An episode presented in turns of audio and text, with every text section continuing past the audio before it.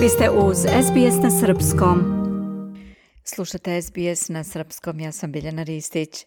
Film Dragana Bjelogrlića, Čuvari formule, koji je snimljen po bestselleru profesora doktora Gorana Milašinovića Slučaj Vinča, je na festivalu u Lokarnu, gde je imao svoju svetsku premijeru, dobio dve prestižne nagrade. Odlično je primljen i na 29. Sarajevskom filmskom festivalu. Sad se prikazuje u bioskopima u Srbiji. Naša saradnica Mija Nikolić kaže da ga prate i odlične kritike. Mio, dobar dan. Da krenemo sa pitanjem kako se i šta govori i piše o filmu Čuvari formule. Biljana srpski mediji veliku pažnju i prostor daju filmu Čuvari formule, njegovim velikim uspesima na filmskom festivalu u švajcarskom gradu Lokarnu, ali i događaju koje je bio inspiracija za snimanje ovog filmskog dela. Proslavljeni domaći francuski glumci oživeli su priču iz 1958. godine kada se 15. oktobra dogodio nuklearni akcident u institutu Vinča, nakon čega je grupa srpskih naučnika koja je konstruisala reaktor bila ozračena smrtonosnom količinom radijacije, piše original magazin. Film koji govori o humanosti i empatiji Istinita priča o decenijama skrivanoj nesreći u Vinči 58. ostavio je veliki i snažan utisak na stručni žiri festivala u Lokarnu, baš kao i na kritičare prestižnog magazina Varijatina, vodi portal Laguna, ukazujući da je slučaj Vinča prvi roman o srpskom Černobilju, nesreći u tom institutu 1958.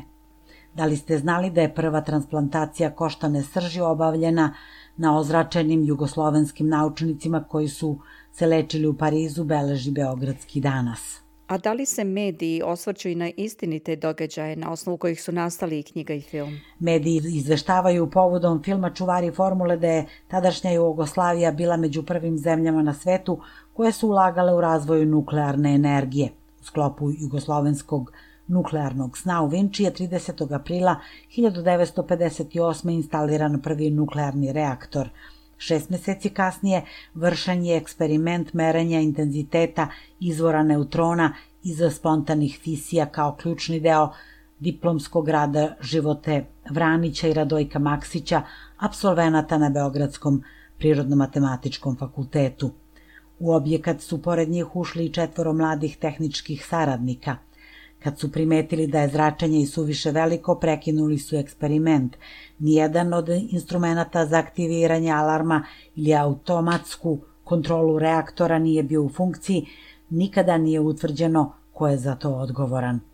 Zahvaljujući brzoj reakciji i akademskim vezama profesora doktora Pavla Savića, kasnije predsednika Srpske akademije nauka i umetnosti, osnivača i prvog direktora instituta u Vinči Boris Kidrić, Ozračeni atomisti su hitno prebačeni u Parisku bolnicu Curie, jedinu instituciju na svetu koja je u to vreme imala iskustvo u lečenju osoba izloženih prekomernim dozama radijacije.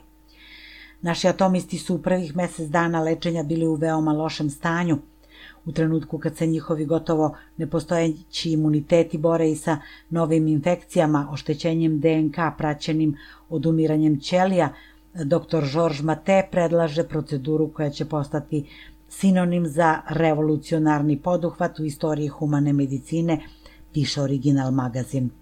Rizik je bio veliki za pacijente, ali i za potencijalne donore, jer je bila nepoznanica kako će njihov imuni sistem reagovati na vađenje koštane srži. Pet Parižana, među kojima i mlada majka četvoro dece, 11. novembra 1958. postali su prvi davaoci koštane srži, a Radojko Maksić prvi čovek na svetu koji je koštanu srž na izgled uspešno primio. Kod Živote Vranića transplantacija nije uspela, on je preminuo pet dana nakon transfuzija, mesec dana nakon akcidenta u Vinči. Živorad Blagojević se brzo oporavljao i bez potrebe za transplantacijom, a Rosanda Dangubić, Draško Grujić i Stijepo Hajduković su uspešno primili koštanu srž od još troje Parižana. Naknadne analize su pokazale da transplantacija kod naših četvoro atomista zvanično nije uspela, ali se njihovo stanje stabilno popravljalo izvesno usled brze reakcije leukocita iz donirane koštane srži. Mija, da li je ovo jedino filmsko ostvarenje do sada koje se bavi tematikom nesreće u Vinči 1958 i zašto se o njoj toliko dugo čutalo? Slučajem u svetu poznatim kao Vinča akcident, pre deseta godina bavio se i dokumentarni film Diploma za životu, posvećena životi Vraniću, a projekciji je prisustvovao i Radojko Maksić, jedini do danas preživeli svedok tog događaja. Na pitanje zbog čega se tako dugo o tome čutalo, rekao je, šta da vam kažem, čutalo se, takvo je bilo vreme. Međutim, Stijepo Hajduković u tekstu svedog događaja koji je prema njegovoj želji objavljen posthumno 1997.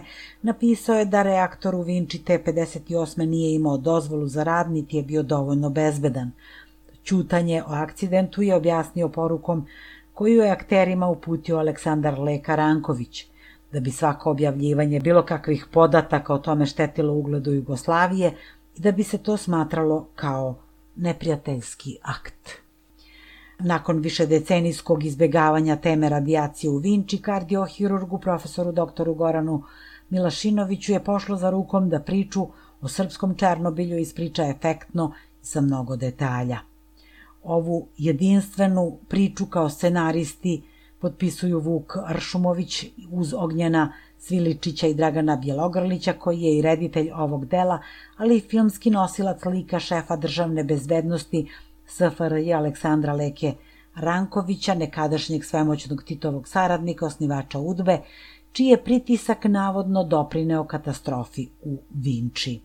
U naslovnim ulogama igraju Radivoje Raša Bukvić kao i proslavljeni francuski glumci Alexis Maneti, Olivier Barthelemy, Anse Ra, direktora instituta Vinča Pavla Savića, igra Predrag Miki Manojlović, a uloge mladih jugoslovenskih naučnika reditelj Dragan Bjelogrlić dodelio je Jovanu Jovanoviću, Alisi Radaković i Ognjanu Mićoviću. Sudbine obolelih, ljubav između jedne pacijentkinje i jednog francuskog lekara i sklapanje prijateljstava odvijaju se daleko od očiju javnosti, čemu doprinose i politički pritisci. Studio. Hvala Mija. Bila je to naša saradnica iz Srbije, Mija Nikolić. Ja sam Biljana Ristić. Želite da čujete još priča poput ove?